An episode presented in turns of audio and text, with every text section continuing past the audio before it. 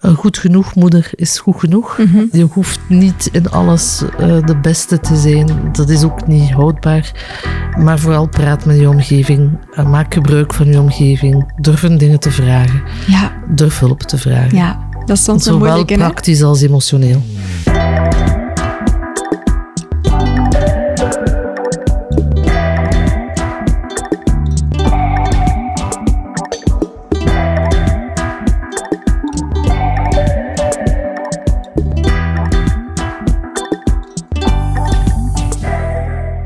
Vandaag heb ik Rita van Damme in de podcast. Goedemorgen, Rita. Goedemorgen.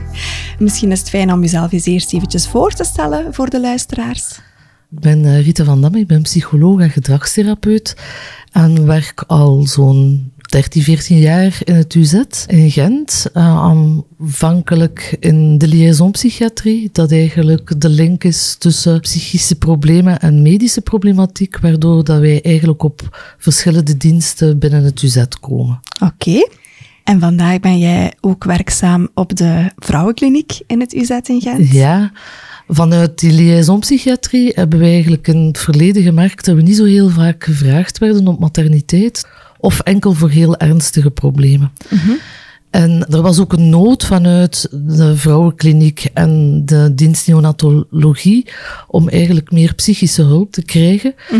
En vandaar is er eigenlijk nu toch al wel een tijd geleden, vanaf 2013, zijn we gaan samenzitten met die diensten en ook de moeder-baby-unit van Carus, hier zit in IJs-Westrem, om te zien hoe dat we die noden konden opvolgen. Oké, zeer boeiend. We gaan het daar straks verder over hebben. We gaan het vandaag hebben over de perinatale psychologie, om het zo te zeggen. We weten dat de grootste complicatie die kan optreden rondom de periode van zwangerschapswens, zwanger worden en postnataal eigenlijk de psychische klachten zijn. Kan jij daar iets meer over vertellen? Ik denk dat het belangrijk is om te weten voor iedereen dat de grootste kans dat je eigenlijk in aanraking komt met psychiatrie, eigenlijk is rond de geboorte van de baby. Je bedoelt de grootste kans in je leven dan? Of? De grootste kans in je leven dat je eigenlijk eh, in een opname zou terechtkomen, is eigenlijk in de weken na de bevalling. Oké, Grotendeels ten gevolge van een ernstige postnatale depressie of een postpartum psychose. oké. Belangrijk misschien om te weten bij een postpartum psychose is dat toch de helft van de vrouwen hierbij geen voorafgaande psychische problemen hadden. Dus dat komt echt out of the blue. Heb je daar percentages over hoeveel procent van de mama's een postpartum psychose kan doormaken? Zijn daar cijfers over? Daar zijn cijfers over. Op zich zeggen we dat de incidentie 1 à 2 is op 1000 geboorten. Oké. Ehm, dat lijkt misschien niet zo heel veel, maar het is een- natuurlijk een, een stoornis met een heel grote impact. Waarbij toch de symptomen bij de mama eigenlijk wel al herkenbaar zijn binnen de eerste twee weken na de bevalling. Oké, kan je daar iets meer over vertellen? Het belangrijkste is eigenlijk dat je als omgeving, want een, een mama gaat dat zelf op zich niet zo herkennen, maar dat de omgeving eigenlijk merkt, ik herken mijn partner niet meer, of ik ken mijn dochter niet meer. Ehm, ze gaat heel veel energie hebben, ze gaat niet moe zijn, maar gaat ook soms wel rare ideeën naar voren brengen. En dan is het belangrijk om zo snel mogelijk hulp te gaan zoeken. Ja, want het gevaar schuilt er hem dan in dat die verse mama eigenlijk zelf niet doorheeft dat de ideeën of de gedachten die ze heeft niet oké zijn, bijvoorbeeld. Zeg ik dat juist? Dat zeg je eigenlijk helemaal juist. Ja, Ja, Zij is zichzelf niet bewust van, uh, of vaak niet bewust van het feit dat ze problemen Ja. heeft. Is het dan een soort manie waar een mama in zit? Kunnen we dat zo noemen? Er zullen manische klachten zijn, maar er zijn ook waanideeën en ook hallucinaties. Maar het wordt eigenlijk vaak, misschien is het woord van een postpartum psychose niet helemaal correct. Het is eigenlijk eerder op een continuum van een bipolaire stoornis dat men nu denkt dat het eigenlijk zich uit thuis hoort. Oké. Dus dan lijkt het mij ook een evident iets om een mama die zwanger is ook te screenen op bijvoorbeeld psychische stoornissen die zij in de voorgeschiedenis vastgesteld kreeg? Of? Ja, maar dan gaat het veel meer over postnatale depressie en angstklachten, denk ik, die vaak voorkomen in de zwangerschap en postnataal. Vandaar dat wij ook met dat zorgpad gestart zijn. Het is iets moeilijker voor een postpartum psychose, omdat het eigenlijk effectief out of the blue kan Ja. Maar waar we wel rekening mee houden in ons zorgpad is als een mama een bipolaire stoornis heeft, al een gekende bipolaire stoornis heeft, of dat haar moeder of zus of broer of vader eigenlijk gekend is met een bipolaire stoornis of met een postpartum psychose heeft doorgemaakt. Ja, dat zijn eigenlijk dan wel risicofactoren dat zijn die we risicofactoren. toch goed in ons achterhoofd moeten houden. Okay. En dat we inderdaad wel naar screenen, maar op zich kunnen we niet voorspellen of dat die mama dan effectief een postpartum psychose zal doen, ja, ja. of nee. Is dit iets wat vermeden kan worden? Um, dat denk ik eigenlijk niet. Nee, oké. Uh, het is vooral heel belangrijk om je dan goed Het is belangrijk om de symptomen uh, vrij snel te zien. En 50% van die symptomen zijn wel al aanwezig binnen de drie dagen of vijf dagen na de bevalling. Oké, okay. ik denk dat dat een hele belangrijke is al. De slapeloosheid speelt daar een vrij grote rol in. Oké. En um, wat we wel weten is dat bij een postpartum psychose het niet de stress is, maar dat het eigenlijk eerder genetisch bepaalde factoren zijn. Oké. Okay. En is het dan zo door de plotse hormonale shift die optreedt na de geboorte van die baby en die placenta, dat die genetische factoren, dat, dat er iets getriggerd wordt in de hersenen dan? Of hoe moet ik dat zien? Ik denk dat het een combinatie is van de genetische kwetsbaarheid, de slapeloosheid ja. en inderdaad de hormonale veranderingen. Oké. Okay. Goed, dus binnen de eerste drie à vijf dagen. Zien we eigenlijk al, al de vaak. meeste, zien we vaak al de meeste symptomen. Oké. Okay. We hebben het nu direct gehad over de, ja, toch wel stevige psychiatrische aandoeningen. Klopt, ja. uh, maar we weten dat één op de vijf van de vrouwen en ook partners, denk ik, psychische klachten kan ontwikkelen in heel deze perinatale periode. Kan je daar iets meer over vertellen? Uit een enquête, denk ik, afgenomen in de tijd rond um, de Women's Mental Health Day in Engeland, kwam er naar voren dat inderdaad één op vijf mensen klachten heeft. Dat betekent nog niet dat dat daar om een stoornis is en dat daarom onmiddellijk moet ingegrepen worden. We maken daar wel degelijk een onderscheid voor, want ook we gaan bijvoorbeeld screenen naar depressie en angst in de zwangerschap en ook postnataal. En ons doel is daar eigenlijk te gaan kijken van wie scoort er eigenlijk boven een bepaalde score, mm -hmm. zodanig dat we die hulp kunnen aanbieden wanneer dat die dat wenst. Ja. Uh, maar het betekent niet dat eigenlijk 20% van de mensen nu eigenlijk depressief of angststoornissen zouden hebben. Nee. Wanneer we dat bekijken, dan zien we dat eigenlijk de percentages, en dat gaat over een, een 10% wordt er eigenlijk 10, 11% wereldwijd en in Europa iets lager. Er wordt aangenomen dat er perinatale depressie is. Ja. Terwijl angstklachten gaat in de zwangerschap hoger, naar een 15% en naar een lager percentage rond 10% postnataal. Okay. En dat komt eigenlijk overeen met andere levensfasen bij een vrouw. Oké. Okay. Maar het is belangrijk, denken we, om in deze periode daarnaar te screenen en hulp aan te bieden, omdat net in deze periode het niet alleen de vrouw treft en haar gezondheid en de economische belangen die erbij horen, maar dat het ook een impact heeft op haar partner en op de baby en op de hechting met de baby. Ja, oké. Je hebt het daar net al kort eventjes benoemd. Je hebt hiermee een zorgpad opgericht in ons ziekenhuis om echt proactief te screenen bij alle zwangere vrouwen, liefst van al in de prenatale periode, dus in die periode van de zwangerschap? Ja, de reden daarvoor is dus omdat een van de risicofactoren dat we weten, is dat uh, iemand die al psychische klachten gehad heeft voor de zwangerschap, mm -hmm. een grotere kans heeft dat ze hervalt zo ofwel antinataal of postnataal, of dat de klachten zich eigenlijk continueren. Ja. En om die reden is het belangrijk om zo snel mogelijk eigenlijk, omdat de antinatale depressie de grootste voorspeller is voor de postnatale depressie, en om dan zo snel mogelijk eigenlijk te kunnen ingrijpen. Ja. Je benoemt daarnet een voorgeschiedenis van psychische klachten. Zijn er nog andere risicofactoren die naar boven komen tijdens de screening, die toch een voorspellende factor kunnen hebben op het ontwikkelen van die perinatale depressie? Ik zeg maar iets, um, financiële kwetsbaarheid, partnergeweld. We hebben eigenlijk vrij recent een pilootstudie verwerkt, waarin we merken dat, ondanks het feit dat eigenlijk de populatie waar dat we dit bij gedaan hebben, eigenlijk een gemiddelde leeftijd heeft van 31, hoger opgeleid is en eigenlijk beroepsactief is, mm -hmm. zien we eigenlijk dat zelf financiële problemen, als die er zijn, een significant effect hebben op een positieve screening. Dus dat daar een verband is met die positieve screening. Daarnaast is een heel belangrijke ook eh, de perceptie van het al dan niet hebben van sociale steun. Zowel op praktisch vlak als emotioneel vlak. En van wie dat je dan steun kan verwachten. Dat is ook een, een significante factor geweest. Dus ook de psychiatrische voorgeschiedenis. En ook of men ooit in aanmerking is geweest met eigenlijk belangrijke levensvolle stresssituaties, waarbij we vooral gaan peilen naar geweldfactoren, omdat we weten dat eigenlijk partnergeweld een belangrijke is. We vragen eigenlijk algemener geweld, eh, zowel op fysiek vlak, seksueel vlak en emotioneel vlak. En we vragen dit niet alleen of dat het nu gebeurt, maar ook of dat het ooit is gebeurd en nu nog gebeurt. Ja. Want er is dus blijkbaar toch een correlatie als je ooit te maken hebt gekregen met geweld, psychisch, fysiek, emotioneel. We zien, ja, er is sowieso een, een significant verband. Maar we zien ook dat natuurlijk hoe meer risicofactoren dat je hebt ervaren, hoe meer kan, en ook voor geweld zien we dat. Dus als je met meerdere eh, factoren van geweld bent in contact gekomen, verhoogt je kans om eigenlijk een positieve screening te hebben. Ja, oké.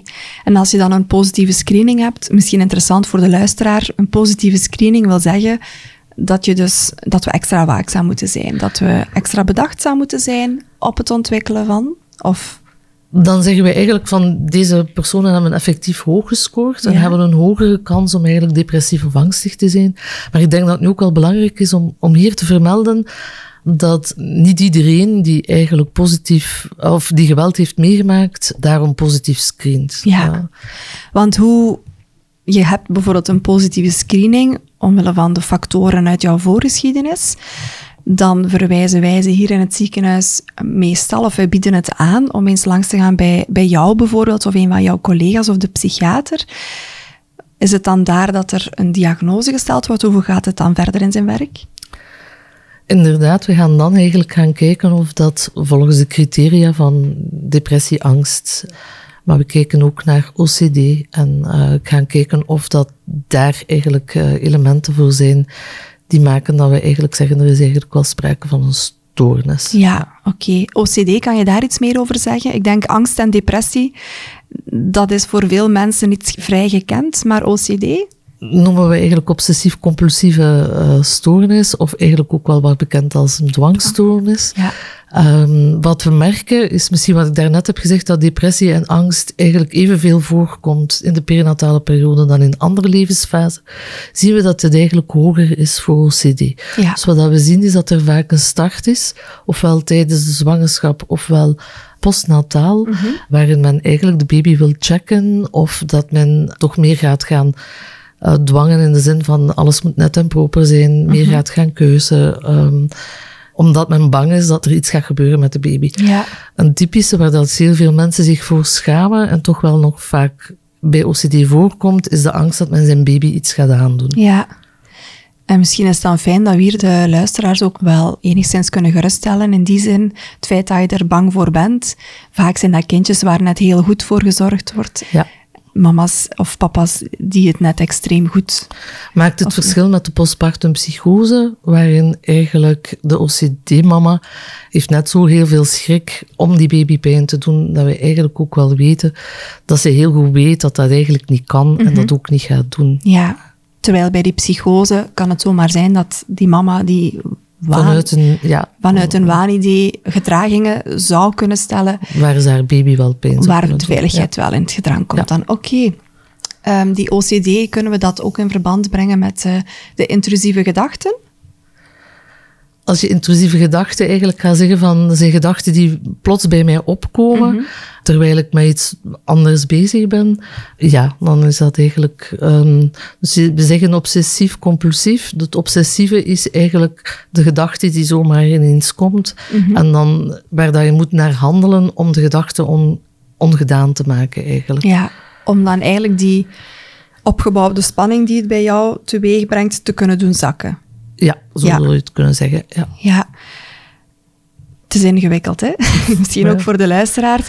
Dus intrusieve gedachten aan zich, dat zijn die ongewenste gedachten. Maar die iedereen eigenlijk heeft. Ja? Ehm, dus mochten we eigenlijk percentages bij gaan kijken, dan zien we dat iedereen wel eens denkt van ik ga met mijn auto van de baan rijden. Mhm. Of ik ga, ja, Met mijn baby van de trap vallen. of ik ga met baby van de trap vallen. Ehm, wat het verschil is dat eigenlijk de meeste mensen denken van oei, van waar komt die gedachte? Maar dat gaat eigenlijk niet gebeuren. Ja. Gaan de meeste mama's denken van oei, ik denk die gedachte van en dat is op zich al niet oké dat ik die denk en nu gaat dat gebeuren. Ja, Omdat ik dat eigenlijk al denk. Ja. Maar een gedachte is maar een gedachte. Ja. Mhm. Eh, daarom ga je daar niet naar handelen en ga je dat ook niet... Dat is iets compleet uit, anders. ga je dat niet uitvoeren, wat, wat je denkt. Ja. Dus misschien belangrijk om mee te geven aan de luisteraar, het feit dat je die ongewenste gedachten hebt, dat zegt niets over jou als mama of papa. Nee, dat zegt helemaal Nee. niks Het over je is als mama of vooral papa. belangrijk dan om je er bewust van te zijn dat die gedachten bij iedereen nu en dan voorkomen en dat die ook weer gewoon verdwijnen of kunnen verdwijnen. Het is maar wanneer jij zelf het gevoel hebt als mama of papa of zwangere, ik moet hier iets, een gedraging stellen om de spanning te kunnen laten zakken. Ja, dan kan het in- inderdaad wel een effect hebben. Want stel dat je eigenlijk s'nachts om, eh, om het uur je baby gaat gaan checken Mhm. of dat hij nog ademt. Ja, dan ga je mogelijk ook wel de slaap van je baby verstoren. En sowieso al je eigen Ja. slaap, waardoor dat je oververmoeid geraakt. Mhm. En dat heeft dan wel weer een effect. Ja, wat kunnen jullie doen voor die OCD-klachten wanneer die zich zouden eh, ontwikkelen? Wat, ja... Is dan bieden we eigenlijk thera- therapie aan, waarin we eerst eigenlijk een, een, een psychodicatie geven, zodanig Mhm. dat ze heel goed weet wat de verschillen zijn. En waar we eigenlijk hen ook leren om het gedrag eigenlijk aanvankelijk uit te stellen of het liefst niet te stellen. Ja, En we begeleiden hen daar dan in. ja oké. Klopt het dat er soms medicatie nodig is? Of is dat eerder voor andere psychische stoornissen? Ehm, binnen ons zorgpad werken psychologen heel sterk samen met psychiaters en verwijzen we ook wel onderling naar elkaar door. Bij milde klachten gaan we eerder psychotherapeutisch te werk gaan. Maar bij ernstige klachten is het vaak ook wel noodzakelijk om medicatie op te starten. Ja, Mm, Medicatie helpt dan eigenlijk om therapie eigenlijk meer slaagkans? meer slaagkansen Ja. te geven. Ja. Oké. Het is zo dat medicatie altijd in overleg gebeurt met de patiënt, veronderstel ik. Dat is niet iets... eh, Ja, dan noemen ze het tegenwoordig mooi de shared decision making. Ja, dus ja. de psychiater gaat uitleggen wat de kansen zijn Ja. op mogelijke problemen. En het is samen met hem dat je, of haar dat je dan beslist van ik ga medicatie opstarten. Want ik denk zeker rondom die medicatie best wel veel zwangere vrouwen hebben daar toch nog wel enige ja, aarzeling voor, hebben daar wel schrik voor. Omdat er natuurlijk een baby in jou groeit, of als je al bevallen bent, omdat je bijvoorbeeld die baby borstvoedt. Dat is een beslissing die altijd wel overwogen genomen wordt. Ja, zeker. Ik. Dat is niet een, zomaar een nauw een... overleg. het is geen en quick fix. wanneer de vrouw dit niet wenst, zal het ook niet opgestart worden. Oké, ja. Rita, ik ben zelf ook vroedvrouw. Ik zie heel veel zwangere ouders. Ehm, angstklachten, ik denk dat die sowieso altijd wel een beetje horen bij een zwangerschap. Ik denk dat het normaal is dat als je naar een echo of als je denkt aan de bevalling, dat je je gespannen voelt Ja, en dat je wel denkt van oei, ga ik dat wel kunnen? En gaat alles wel oké zijn? Mhm. Dat is eigenlijk een normale gevoel. Ja, Uh, maar we zien wel dat zeker in de zwangerschap er toch ook veel meer angstklachten zijn. ja. Is het zo dat wanneer een mama een perinatale angststoornis heeft, dat zij automatisch ook een perinatale depressie heeft of de kans vergroot op die perinatale depressie? Hoe maak je het onderscheid? Het zijn in elk geval twee stoornissen die vaak samen voorkomen. Maar het hoeft niet zo te zijn dat je mm, ook depressief hoeft te zijn. Oké. Nee. Ik denk bij angsten dat heel veel mensen zich iets kunnen voorstellen, inderdaad. De bezorgdheden die er allemaal zijn, de piekergedachten. Wat is een typische uiting van een perinatale depressie of waar moeten we dan aan denken? Depressie gaat sowieso altijd gepaard met meer emotionaliteit, neerslachtig gevoel, maar ook met minder plezier hebben in de dingen die je normaal eigenlijk aangenaam en leuk vond. Ja, oké. Het gaat dan vaak ook gepaard met wat lichamelijke klachten. Zijn de meer of minder eten, meer of minder slapen, maar ook vaak met een schuldgevoel. En ook met gedachten om, u, om zelfmoordgedachten kunnen ook voorkomen. Ja, oké. Lijkt mij zeer beangstigend. eh, en zo lijkt mij altijd zeer beangstigend om, om gedachten te hebben rondom zelfmoord. Is dit iets waar je dan ook echt diepgaander op gaat screenen? Ik veronderstel van wel, als dit naar boven komt.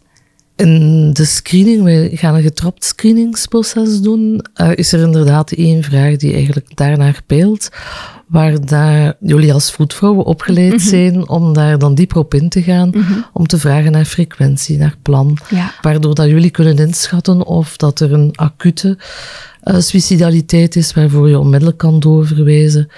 Eh, Binnen ons ziekenhuis is dat dan naar de spoed of naar de liaisonpsychiatrie. Of na- ook naar de huisarts, indien de patiënt het wenst. Ja.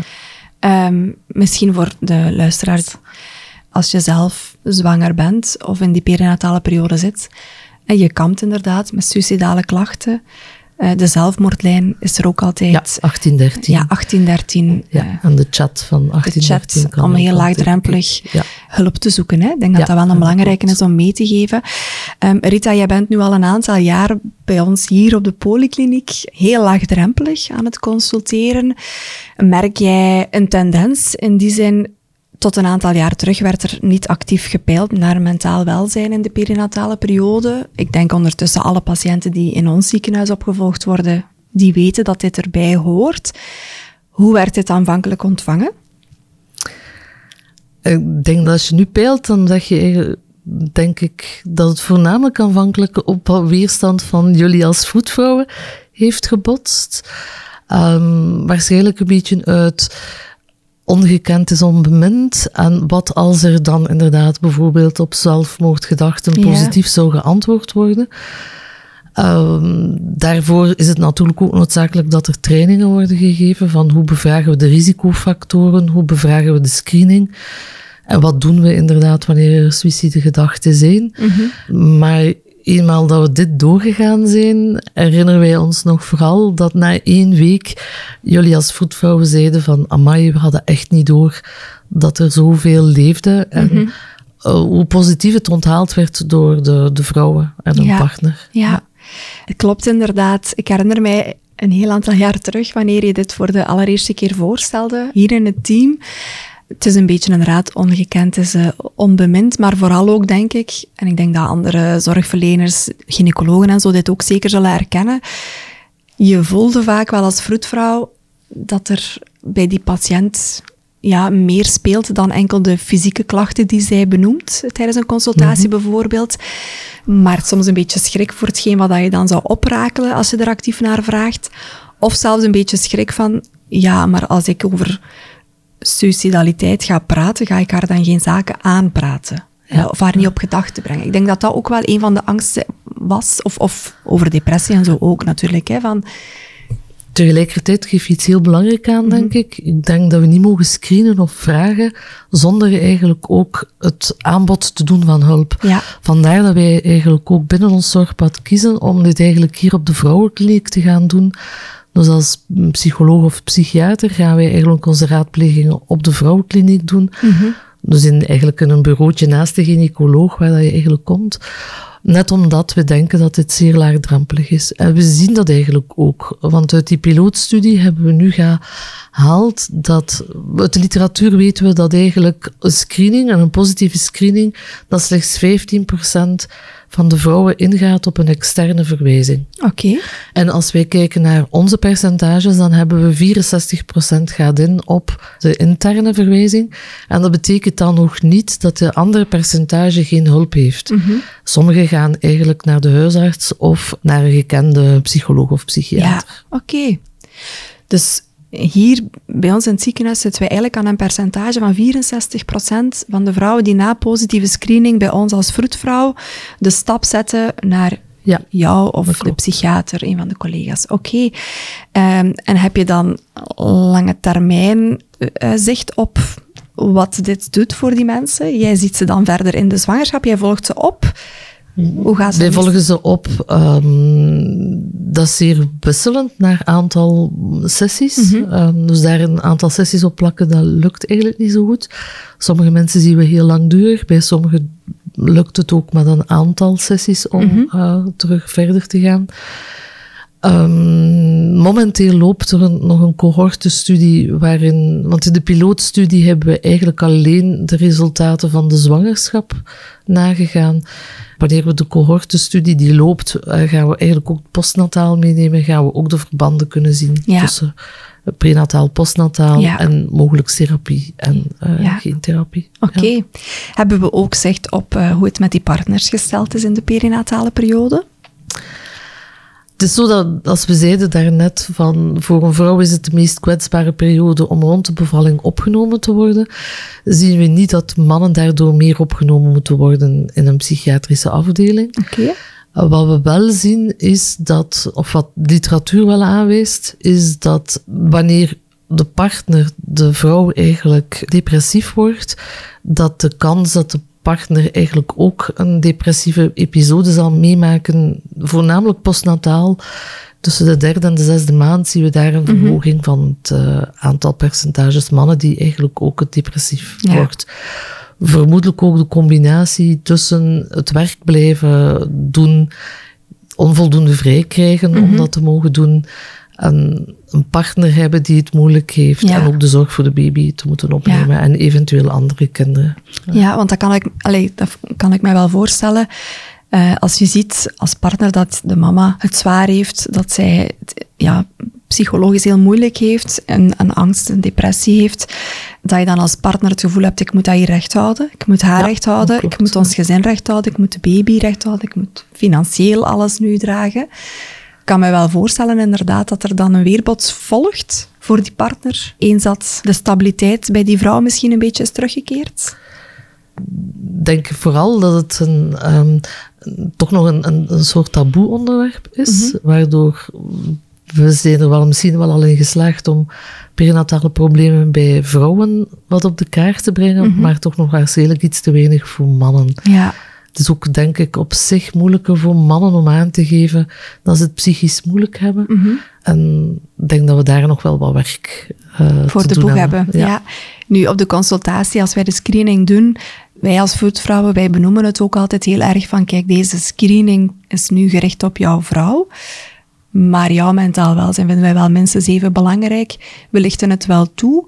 En we hebben inderdaad ook wel al partners gehad die ook wel aangeven van oké, die angstklachten ervaren bijvoorbeeld in die zwangerschap, komen zij soms... Allez, ik, ik nodig ze altijd uit dat ze zeker ook welkom zijn bij een consultatie bij jou of een van de collega's.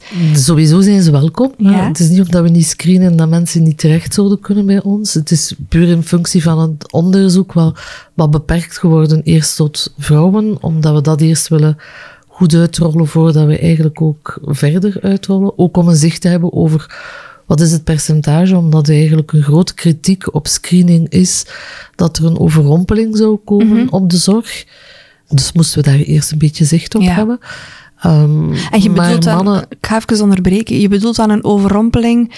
In die zin, je screent, een, een vrouw geeft ook aan, ik heb inderdaad die hulp nodig, maar je hebt niet de capaciteit om die hulp te bieden, de, de logistieke mogelijkheid Ehm, bijvoorbeeld. Vandaar dat het ook heel belangrijk is dat we, we screenen eigenlijk aanvankelijk met vier vragen. Uh-huh. En als die positief zijn, gaan we eigenlijk getrapt naar een andere vragenlijst.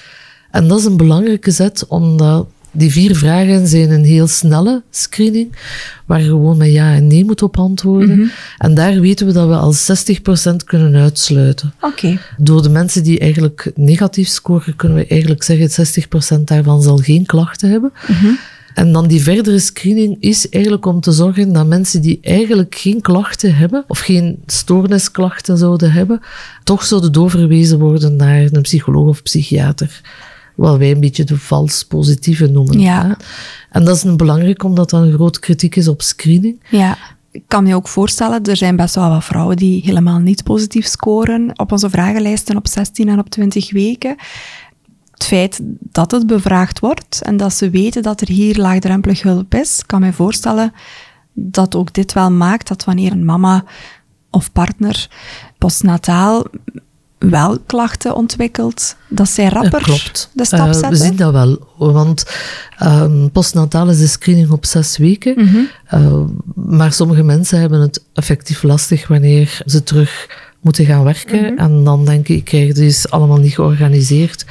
En minder plezier beginnen te hebben in de dingen, dan zien we wel dat mensen ook wel later met ons contact opnemen. Ja. Belangrijk is misschien ook om te zeggen dat niet altijd iedereen, denk ik, aangeeft dat een risicofactor aanwezig is. Mhm.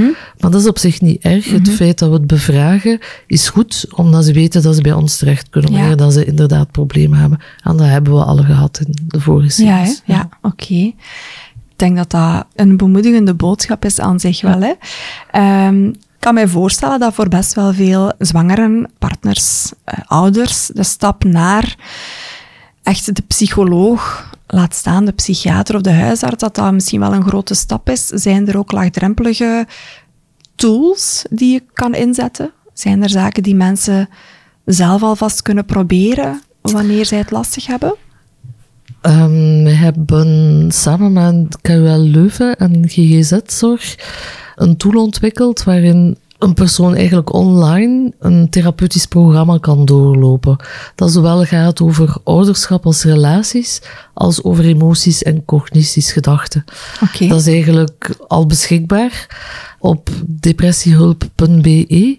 Mhm. En waar we eigenlijk nu nog in de nabije toekomst graag eigenlijk nog een onderzoek willen mee doen. Ja.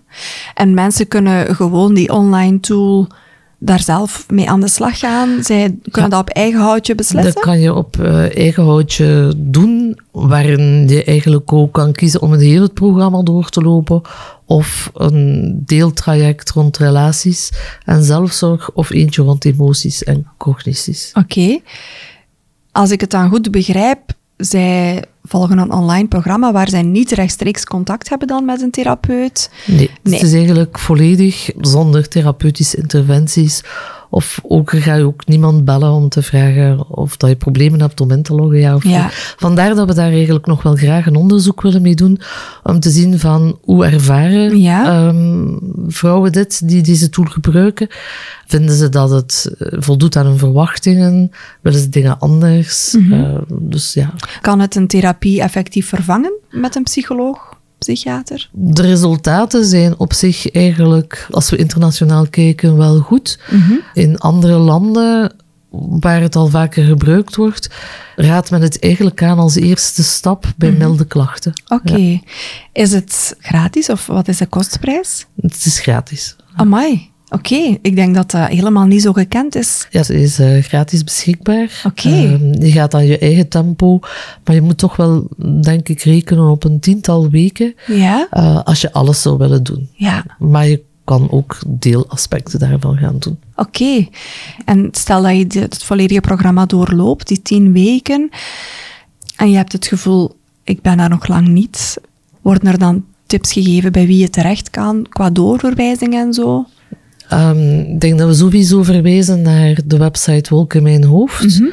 Waar er ook verwijsadressen staan, mm -hmm. weliswaar de grote, mm -hmm. maar dat je daar dan wel terecht kan. Ja. Maar sowieso denk ik dat je ook altijd jouw huisarts kan aanspreken, ja. die mee kan helpen zoeken naar een psycholoog die, of psychiater die daarin gespecialiseerd is. Ja, oké. Okay. Heel mooie tool lijkt mij wel. Ik denk vooral fijn, zo laagdrempelig, online. Voor veel mensen is het financiële stukje toch nog wel een drempel, hè? Dat, dat denk ik ook. Jammer genoeg, denk ik, zijn het ook net die mensen die er net iets te weinig gebruik van maken. Ja, we gaan de website zeker toevoegen in de show notes. De website van Wolk in mijn hoofd is sowieso één waar je terecht kan als je zou twijfelen van wat ik heb, zou dat nu overeenkomen met een depressieve stoornis, mm -hmm. ja of nee? Mm -hmm. Of met een angststoornis. En ook de postpartumpsychose staat daarin uitgelegd. Ja, oké. Okay. En daar staan ook verwijsadressen op? Er zit ook een verwijsadres op. En we trachten er nu ook regelmatig nieuwsfeiten op te zetten die toch te maken hebben met. En je kan ook getuigenissen lezen. Ja, ik denk dat dat ook altijd wel heel fijn is hè, voor mensen. Ja. Hè, dat ze een beetje herkenning kunnen vinden in de verhalen. Hè. En op zich zouden we ook graag een warme oproep doen om nog meer getuigenissen te krijgen. Ja. Omdat dit toch naar andere mensen helpt om de drempel te verlagen. Ja, bij deze, voor de luisteraars die daar zin in hebben om hun verhaal eens uit te typen bijvoorbeeld, contacteer mij of contacteer Wolk in mijn hoofd. ja, dat zou fijn zijn. We zijn vooral, denk ik, nog op zoek naar nu mensen die in de zwangerschap eigenlijk aangeven dat ze depressieve of angstklachten hadden. Mhm. Of ja. Ja, want inderdaad, ondertussen is het vrij gekend een postnatale depressie. Maar we weten dat inderdaad in die zwangerschap ook al vaak klachten ontstaan. En daar is toch nog een groter taboe op momenteel. Hè? Ik denk het wel. En ik denk dat het ook heel veel te maken heeft met verwachtingen. Ehm, wat we zien, en daarom dat angst en depressie vaker samenkomen in de zwangerschap, is dat veel vrouwen bang zijn dat ze eigenlijk het niet gaan kunnen, of dat ze geen goede mama gaan zijn. Of, Maar ze leggen zichzelf eigenlijk enorm hoge eisen op. En uh, gaan ook direct denken dat alles fout gaat lopen. En zitten om een duur eigenlijk in zo'n piekergedachten vast. En daarom is het eigenlijk wel uh, goed om toch tijdens die zwangerschap wel al hulp te zoeken. Ja, om er alert op te zijn, op zijn minst. Ja. ja. Ik denk inderdaad de rol van uh, sociale media en zo, dat dat daar zeker, uh, dat dat daar zeker uh, een invloed op heeft. Hè. Je ziet vaak perfecte plaatjes en we zijn allemaal nogal veel eisend. Ja, dat klopt. heel veel zaken heel zijn veel maakbaar. Perfectionisten. Ja. Um, er zijn ook heel veel mensen die, die toch een, een leven van daarvoor ook willen verder zetten. Maar dat is natuurlijk niet zo heel realistisch. Een kind verandert je leven. Je komt in een nieuwe fase in je leven. Mhm. En af en toe moet je keuzes maken. Ja. En zo de fear of better options. Of Ja. um, ja, nee, soms moet je een keuze maken en met die keuze verder gaan. Ja, ja. Ik denk dat dat inderdaad uh, een beetje eigen is aan onze tijdsgeest. Dat we denken heel veel zaken zijn maakbaar. Uh, Maar inderdaad, ik denk dat sociale media daar ook toe bijdraagt dat je altijd een mooi plaatje krijgt. Mhm. Wat natuurlijk niet realistisch is. nee. Het leven zit niet zo rooskleurig Nee. in elkaar. Het is niet altijd een roze wolk, hè, alles behalve. Hè? Ehm, misschien is het wel fijn, want we gaan richting afronding, om ook wel de boodschap mee te geven aan de luisteraars dat wanneer je psychische klachten ontwikkelt in die perinatale periode, het wordt beter hè, als je hulp zoekt. Het wordt zeker beter. Um, de eerste belangrijke iets is praten erover. Praten met je omgeving. Mhm. Durf eigenlijk um, een beetje je schaamte opzij zetten. En je zal merken dat heel veel mensen dit wel zullen herkennen. Mhm. En wanneer je merkt van dit helpt eigenlijk niet, dan kan je nog altijd de volgende stap zetten naar uh, hulp. Professionele hulpverlening, ja, ja oké. Maar praten over is zeker het eerste dat we iedereen aanraden. Um, dus eigenlijk begint het dan al bij erken bij jezelf dat het oké okay is om je soms niet oké okay te voelen. Zeker. Ja. Uh, en om dit ook gewoon te durven benoemen dan. Ja. Mensen denken te veel dat ze blij en dankbaar en opgewekt moeten zijn nu dat ze zwanger zijn. Ze mm -hmm. hebben daar soms lang moeten op wachten. Mm -hmm. En dan valt het tegen, want dan, ja, de eerste trimester kan je dan ziek zijn en dan valt het dan zwaarder dan dat je gedacht had. En dan heb je vaak dat je ziet dat mensen in een neerwaartse spiraal komen. Mm -hmm. Terwijl, ja, het hoort er nu eenmaal bij. Je kan niet altijd gelukkig zijn. Nee. Dat blijft ook niet duren. En het neemt niet weg dat je dankbaar kunt zijn, maar tegelijkertijd ook verdrietig of angstig. Of, ja. uh, ik denk dat dat een mooie is om, ja, ik denk dat dat een mooie is om te benoemen. Een vraag die ik wel nog best veel krijg van patiënten is: ga ik mijn kind nu niet verpesten door alle stress of angst of neerslachtigheid die ik voel. Want de laatste jaren is er heel veel aandacht rondom het infant mental health. De eerste duizend dagen, het start al bij die conceptie.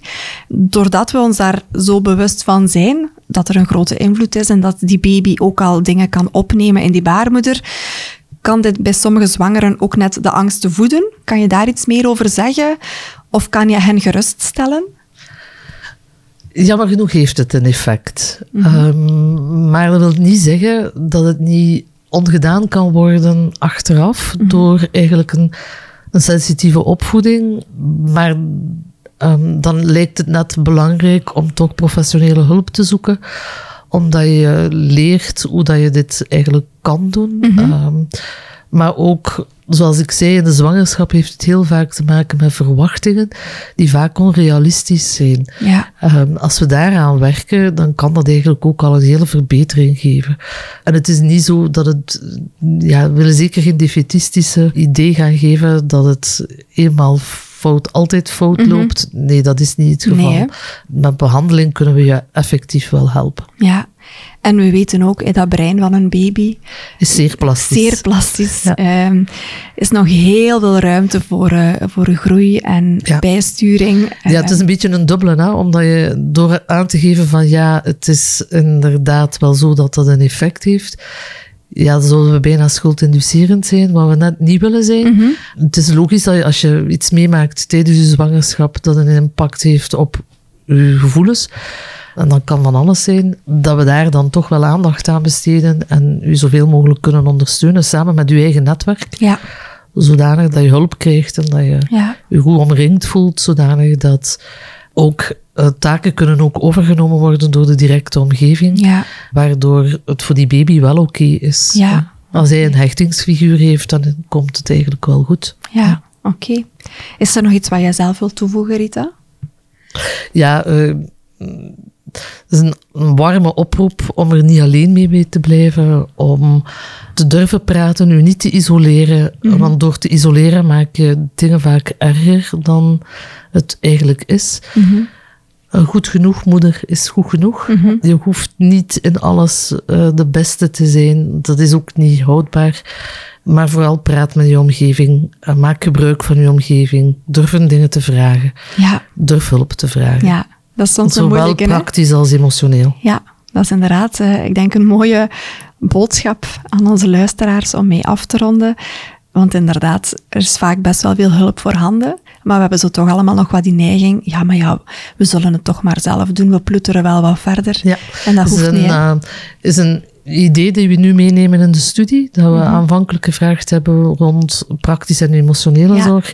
Dat we nu eigenlijk ook vragen, maar als het werkelijk zo zou zijn, zou je er ook gebruik van maken. Omdat we merken dat veel mensen die in de hulp terechtkomen eigenlijk wel een netwerk hebben, maar er geen gebruik van Mhm. Ja, maken. hè? ja, inderdaad. Die nuance rond 16 weken doen wij, Ja. stellen wij die vraag. En inderdaad, de bijkomende vraag is dan, zou je ook daadwerkelijk hulp vragen? Praktisch of emotioneel? En dan de opties zijn dan ja, vermoedelijk wel, vermoedelijk niet of nee. Het is toch frappant, de meeste antwoorden vermoedelijk wel of vermoedelijk niet. Eh, Ja, ja, ja. Dus ehm, denk Dus dat dat is al los van je netwerk die je effectief hebt. Dat gaat een beetje over schuld en schaamte en het idee dat je het eigenlijk allemaal zelf moet kunnen. Maar dat is natuurlijk niet Mhm. Nee, zo. hè? Voilà. It takes a village to raise a child. Voilà. En je moet inderdaad gebruik maken van praktische hulp, emotionele hulp. Ja, soms, Praten helpt. ja, soms moeten we dan onze eigen ego daar een klein beetje voor aan de kant zetten. Ja, ik denk dat een deel je schaamte en schuldgevoel kunnen overwinnen is.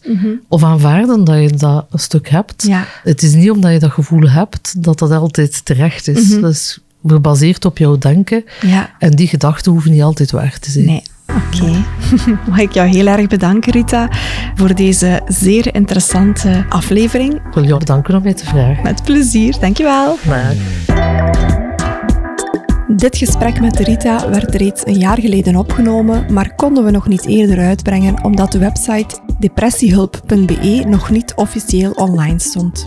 Op deze website kan je volledig anoniem aan de slag met je emotionele klachten door middel van begeleiding van een professional via chat of zelfstandig via het zelfhulpprogramma. Daarnaast vind je meer verdieping over trauma, depressie, angst en de mythes die rond deze thema's hangen. Ook kan je herkenning halen uit de getuigenissen. En het allermooiste is dat alles volledig gratis is. Neem dus zeker een kijkje op depressiehulp.be. Ik zou het fantastisch vinden mocht je deze aflevering willen delen met iedereen in jouw omgeving die hier iets uit kan halen. Wil je deze podcast steunen? Kijk dan zeker naar mijn aanbod op mijn website buikgewoel.be. Zo heb ik zelf een geboortecursus en borstvoedingscursus in mijn aanbod. Daarnaast mag je me ook altijd een kopje koffie kopen via buymeacoffee.com slash buikgewoel. Alle info staat ook in de show notes. Dankjewel om te luisteren, te raten, te steunen en te delen en graag tot de volgende.